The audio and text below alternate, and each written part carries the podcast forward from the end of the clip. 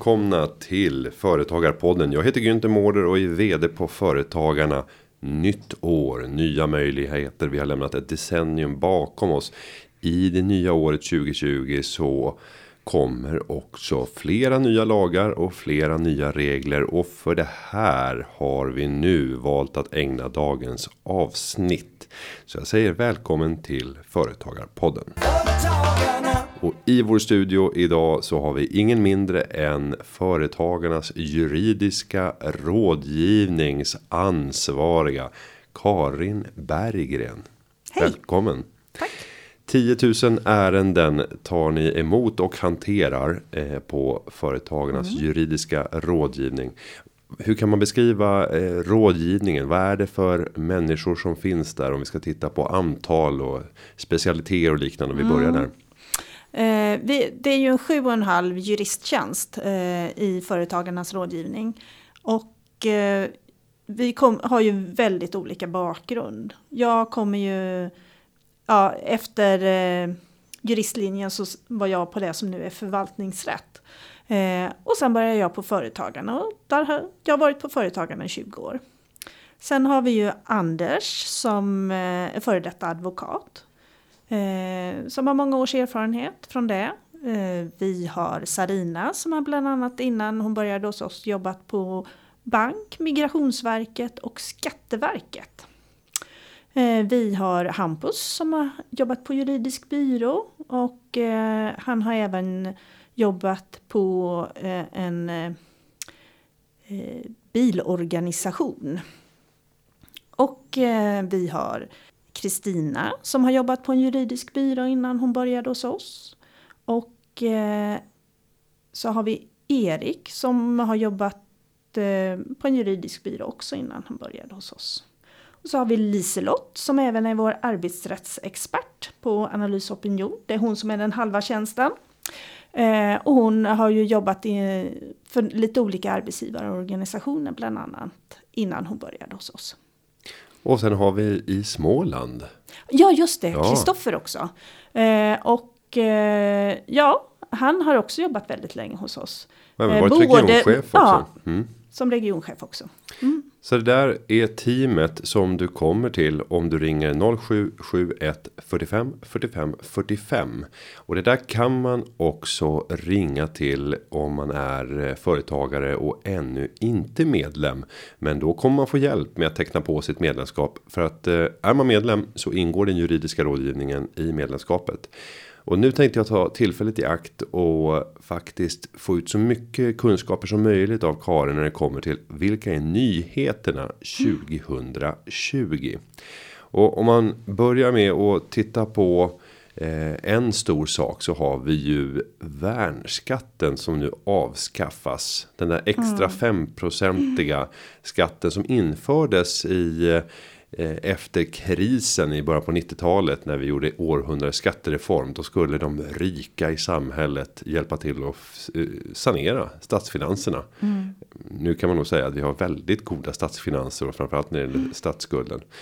Vad gäller för mig som företagare? Kommer det här påverka mig när det gäller borttagandet av värnskatten? Ja, det, eh, det är ju som så att många företagare redan nu anpassar ju sina inkomster. De i enskild firma har ju begränsade möjligheter att bestämma hur mycket de tar ut som så kallad förvärvsinkomst. Där den, den här extra 5 procenten då tas ut. Medan eh, företagare med aktiebolag, de kan ju välja egentligen hur mycket lön de tar ut. Och sen tar resten som utdelning. Eh, där finns det ju begränsningar, de här så kallade 3.12-reglerna då. Men många företagare har ju inte sådär jättestora vinster i sitt bolag utan de kan då anpassa sin lön så att den är precis antingen så att man anpassar sig precis så att man kommer till gränsen för statlig inkomstskatt eller att man anpassar sig efter socialförsäkringssystemet då, den sjukpenninggrundande inkomsten, den föräldrapenninggrundande inkomsten eller pensionsgrundande inkomsten.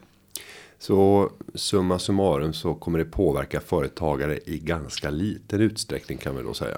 Eh, ja, just de här extra 5 procenten tror jag inte kommer att slå så mycket för företagare. Sen har vi en annan sak och det är att pensionsåldern höjs till 68 år. Vad, vad innebär mm. det för mig som företagare och om jag har anställda? Mm. Vad är det då som gäller? Ja, här är det ju som så att eh, det här är ju en ganska stor förändring när det gäller pensionsåldrarna. Men eh, just som företagare så ja, det bestämmer man ju ofta själv när man vill gå i pension. Utan det är ju som arbetsgivare som man påverkas av det här. För eh, där är det ju som så att eh, en anställd har ju rätt att vara kvar, ha kvar sin anställning tills man går i pension. Och eh, nuvarande regler så är det ju 67 år. Eh, men från årsskiftet så är det 68. Eh, och sen kommer man ju att höja den här så kallade riktåldern för när man går i pension allt eftersom. Eh, men från årsskiftet så är det 68 och då ändrar man också reglerna kring hur man som arbetsgivare avbryter en sån här anställning. Som det är nu så ska man lämna ett besked en månad innan den månaden arbetstagaren fyller 67 år. Men efter årsskiftet, ja då gör man en uppsägning som ska MBL-förhandlas innan. Men man behöver inte ha saklig grund för uppsägning. Och då kan man göra det, den här uppsägningen när som helst efter att personen har fyllt 68 år. Men det förändrar ju lite logiken. Mm. Det känns ju betydligt hårdare att göra en uppsägning. Eh, jämfört med att man bara utgår ifrån att ja, nu ska du gå i pension. Bara, ja, hur mm. känns det? Det är en månad kvar nu. Mm. Eh, det är ju betydligt mjukare än att lämna över ett papper och säga upp utan ja. behov av saklig grund, eller? Jag, jag, tycker nog inte att det gör det, för att det, det är så inbäddat i samhället att man går i pension. Eh, och många tror ju fortfarande att man går i pension vid 65 år. Ja, men att avsluta karriären med en uppsägning, det, det är inte det man ville. Ja, alltså många Eh, eh, utnyttjar ju möjligheten att man kan gå tidigare i pension. Och man kan ju börja ta ut sin allmänna pension från det att man fyller 62 år från och med årsskiftet.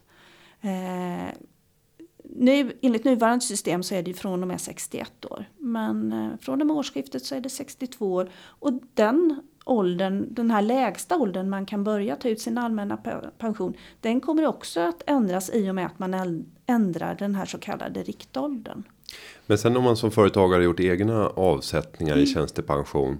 Visst är det så att där är det fortfarande 55 år ja. på, på ingångna avtal. Men kan man ändra, du som jurist. Kan man gå in och ändra ingångna avtal inom pensionsområdet? Nu vet, förstår jag att nej, man inte kan säga ja eller nej. Där, där, där, menar ju vi jurister att det, det, strider så mycket mot de grundläggande principerna det här.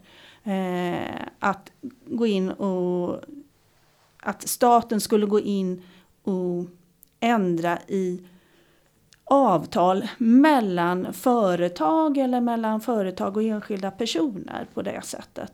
Att gå in och, från statens sida och gå in i och ändra i den typen av avtal är ju väldigt känsligt. Eh, och där har ju politikerna varit inne och haft lite sådana förslag men fått väldigt starkt mothugg varje gång.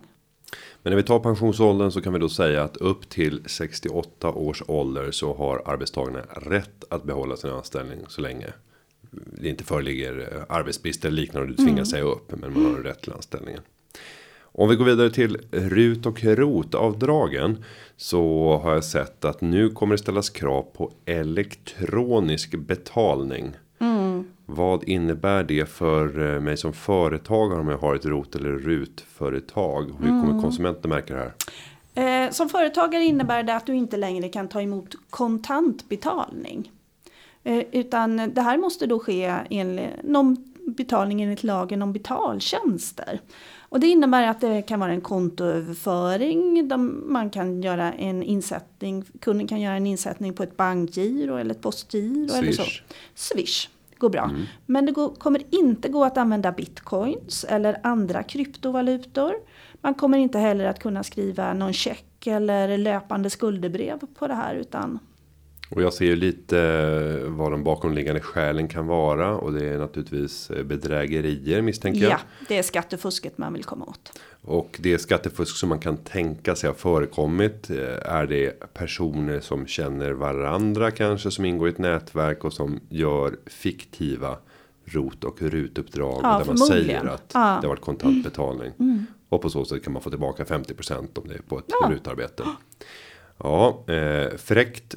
Nu hoppas vi att det här kan komma till rätta med problemen. Vi mm. brukar ju alltid från företagens sida fundera över när man vill genomföra förändringar för att komma till rätta med buset. Så händer det inte sällan att företagaren som är seriös mm. hamnar i kläm för det blir ytterligare rutiner mm. och processer och saker att ta hänsyn till som skär uppmärksamhet och, och tar effektivitet för man får ägna sig åt byråkrati istället. I det här fallet så kan jag inte riktigt se att det kommer att sätta käppar i hjulen för de seriösa aktörerna. För det måste vara nej, sällsynt nej, det, det, det, det är ju väldigt få i Sverige som inte har ett bankkonto. Mm. Eh, och det beror ju på att eh, bankerna är ju skyldiga att tillhandahålla bankkonton. Utom i vissa extremfall. Eh, så, och, så att de flesta kan ju hantera det här med att göra en överföring från sitt bankkonto till ett företagskonto. En annan nyhet för året är ju också att aktiekapitalet, kravet på aktiekapital för att starta ett AB sänks från 50 000 till 25 000. Mm. Och det var, var väl bara, är det 15 år sedan nu då? Det sänktes från 100 000 ner till 50 000. Eller mm. en, eller... Ja, man gjorde en höjning och sen gjorde man en sänkning. Mm. och nu gör man ytterligare en sänkning. 25 000, ja vad skulle du säga att det innebär? Ja, det innebär ju att nystartade företag kan starta med ett aktiekapital på 25 000. Eh, sen är det ju som så att de flesta behöver ju ett större kapital i sitt företag på något sätt ändå. Ja, det är varken 50 000 eller 25 000 ja, räcker. Eh, och eh, aktiekapitalet funkar ju också lite som en buffert. Eh, när det blir riktigt dåliga tider och företaget går med förlust rejält, då är ju aktiekapitalet ändå en liten buffert.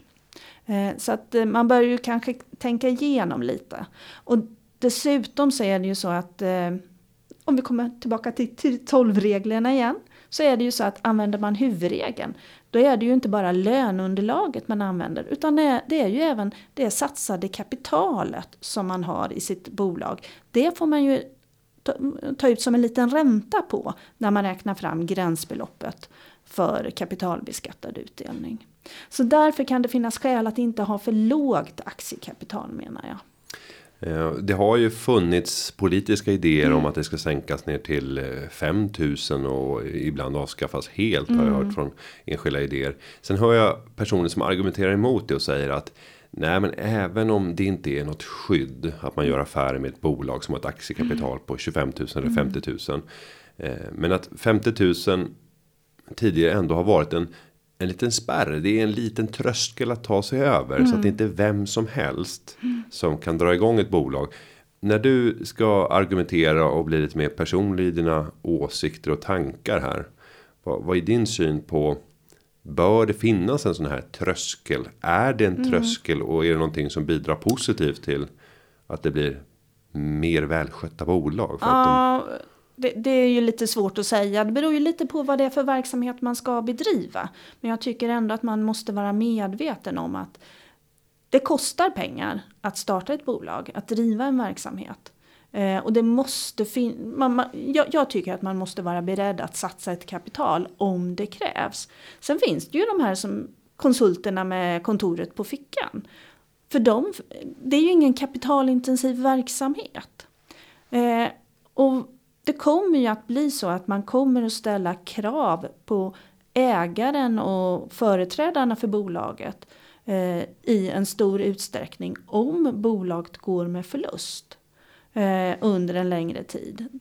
Man kommer nog att gå på dem kraftigare om man inte får betalt. Att eh, kontrollera, finns det ett, bryter man mot reglerna om kontrollbalansräkning och så vidare. Och här ska man ju också veta att eh, Skatteverket, eh, det finns ju skatteförfarandelagen med företrädaransvaret för företrädare för bolaget om bolaget inte kan betala in skatter och avgifter i tid. Eh, så därför måste man se till att det finns en ekonomisk buffert i sitt företag. Även om man har ett lågt aktiekapital så måste man ändå ha det menar jag. För att man ska vara säker på att inte styrelsemedlemmar eller andra får något personligt betalningsansvar. Om vi lämnar den punkten och går vidare till uppehållstillstånd så har jag förstått att det kommer nya regler för forskning och studier inom högre mm. utbildning. Vad är de nya reglerna för uppehållstillstånd?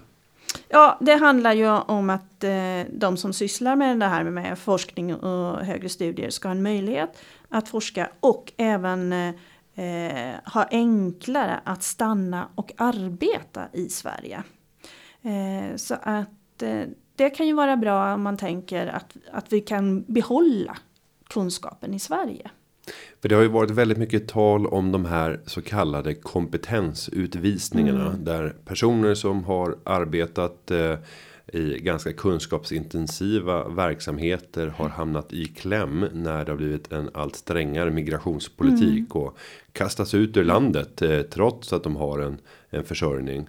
Eh, kommer det här, de nya reglerna att lösa utmaningarna med kompetensutvisningar? Nej, eh, kanske delvis men inte helt. Vad skulle, vad skulle vi behöva göra ytterligare för att få till rätta med ja, det?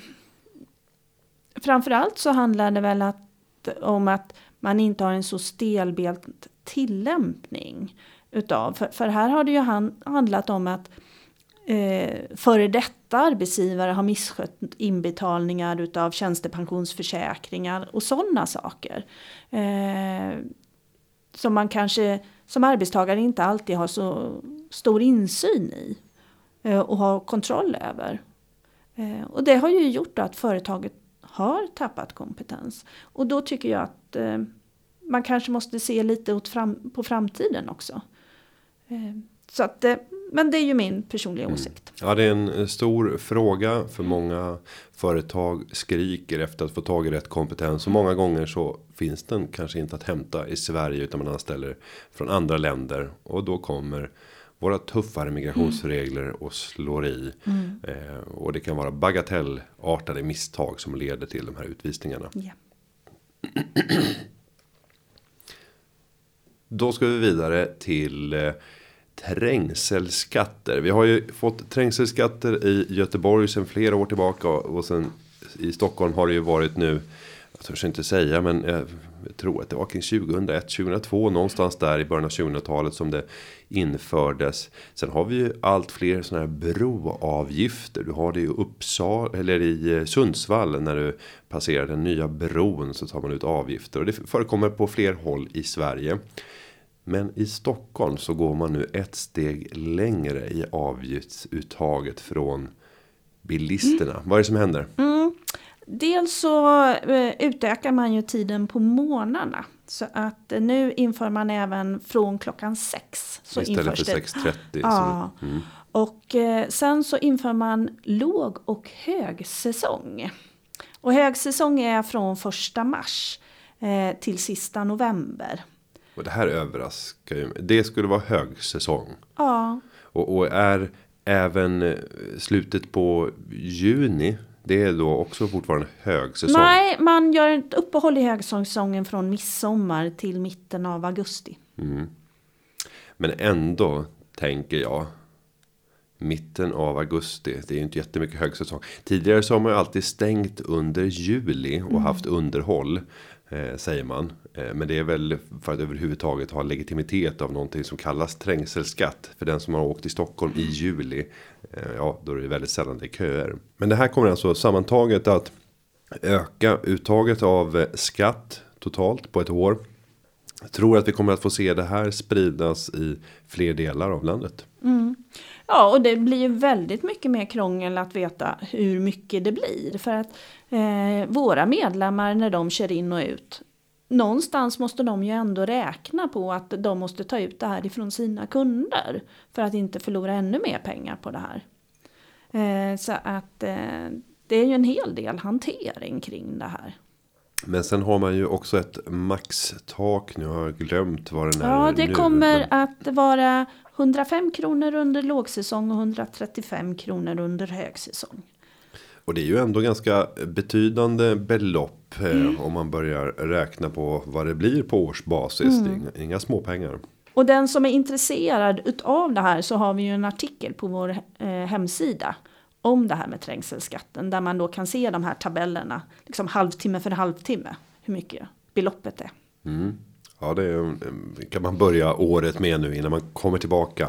Men de här införs då eh, först senare eller har det redan införts nu efter första januari? Ja, eh, reglerna börjar första januari. Men Men, högsäsongen i, men högsäsongen drar ju igång först första mars. Mm. Eh, däremot så är det ju klockan sex på morgonen redan nu. Och där är många hantverkare som säkert har klarat sig och passerat innan 06.30 tidigare. Så att nu är det bara att ställa om och börja jobba ännu tidigare om man vill slippa avgifterna, de extra avgifterna. Jag kan ju tycka att det är lite absurt också att man ska behöva betala pengar för att lämna en stor stad. Det här gäller ju både i Göteborg och, i Stockholm. Så får man alltså betala en summa för att mitt under dagen då det inte finns någon som helst trängsel och då vi borde vilja bli av med bilar från städerna så får man betala för att lämna staden. Jag skulle i eh, ja, jag vet inte vilken egenskap här, men jag säger det, i min egenskap av vd på företagarna så föreslår jag härmed att vi inför ett bonus malus system med trängselskatterna där du till och med kan få eh, krediterade eh, skatteinbetalningar Eh, om du lämnar staden mitt under dagen för att på så sätt minska trängseln i staden. Det är tanken med en sån typ av reform. Så då kanske man får betalt 10 kronor som krediteras på dina skatteinbetalningar och att det aldrig kan innebära att man får en utbetalning utan det kan bara vara avdrag på just intjänad trängselskatt på den här individen. Var det ett bra förslag? Ja, Du gör inte frivolter. Nej, alltså jag, jag tycker jag tycker illa om krångliga system. Punkt. Eh, Ja, då lämnar vi det krångliga systemet, eh, trängselskatterna med alla dess olika nivåer och, och gränser. För att gå över till en annan gräns och det är gränsen för redovisningsskyldighet för reklamskatt. Den ska tydligen höjas från 60 000 till 100 000 kronor. Men låt oss först bara stanna upp. Reklamskatt, vad är det för någonting? Ja, det är skatt på annonser. En extra skatt, ungefär som på alkohol och Ja, på det är en bensin. punktskatt ja. Ja. Ja, och den har man ju från politiskt håll pratat om att avskaffa, men inte just nu. Eh, De, ja, i över 20 år. Mm. Jag har riktigt, man brukar ju vilja lägga på punktskatter på sånt som man absolut inte vill se Mm. i samhället. Eh, men i det här fallet ja, vill man inte se reklam. Ja, ja, Eller tänker man att den som gör reklam, har råd. har råd att... Ja, har råd att betala. Sen är det ju problemet att eh, staten betalar ju ut bidrag till dagstidningar. Mm, så det blir snurra där. då. Ja, så det blir, pengarna går runt lite. Ja. Och där är det inte alla som lyfter det här eh, stödet. Mm. Nu går vi utanför det här ämnet eller eh, området. Men visst är det så att är det Dagens Nyheter som inte får. Det är en av de stora som inte får pressstöd. Eh, och Mm. Ja. att svenska får ganska stort pressstöd.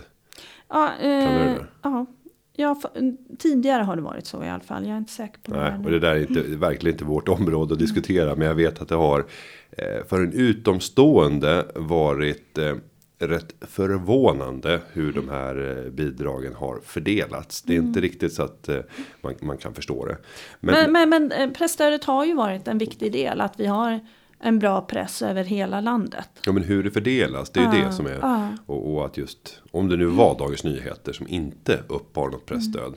Eh, ja, men vi lämnar den. Men höjningen här då från 60 till 100 000 kronor.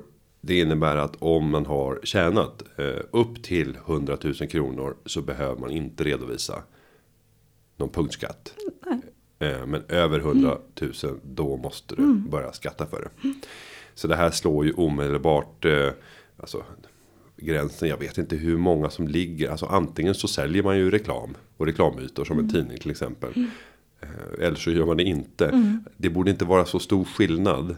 Ja, men, Från eh, 60 till 100 000. Du sparar några kronor. Ja. Men det är inte så många som slipper redovisa. Nej. Som ligger i det här gränslandet. Om vi tittar vidare på andra förändringar, nya regler eller lagar. Är det någonting särskilt du skulle vilja lyfta upp utöver det vi har pratat om?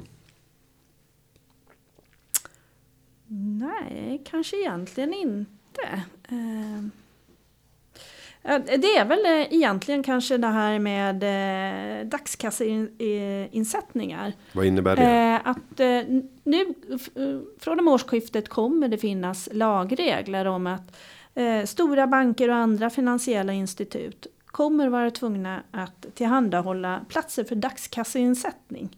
Och det är ju en del av det här att upprätthålla en möjlig kontanthantering i hela landet.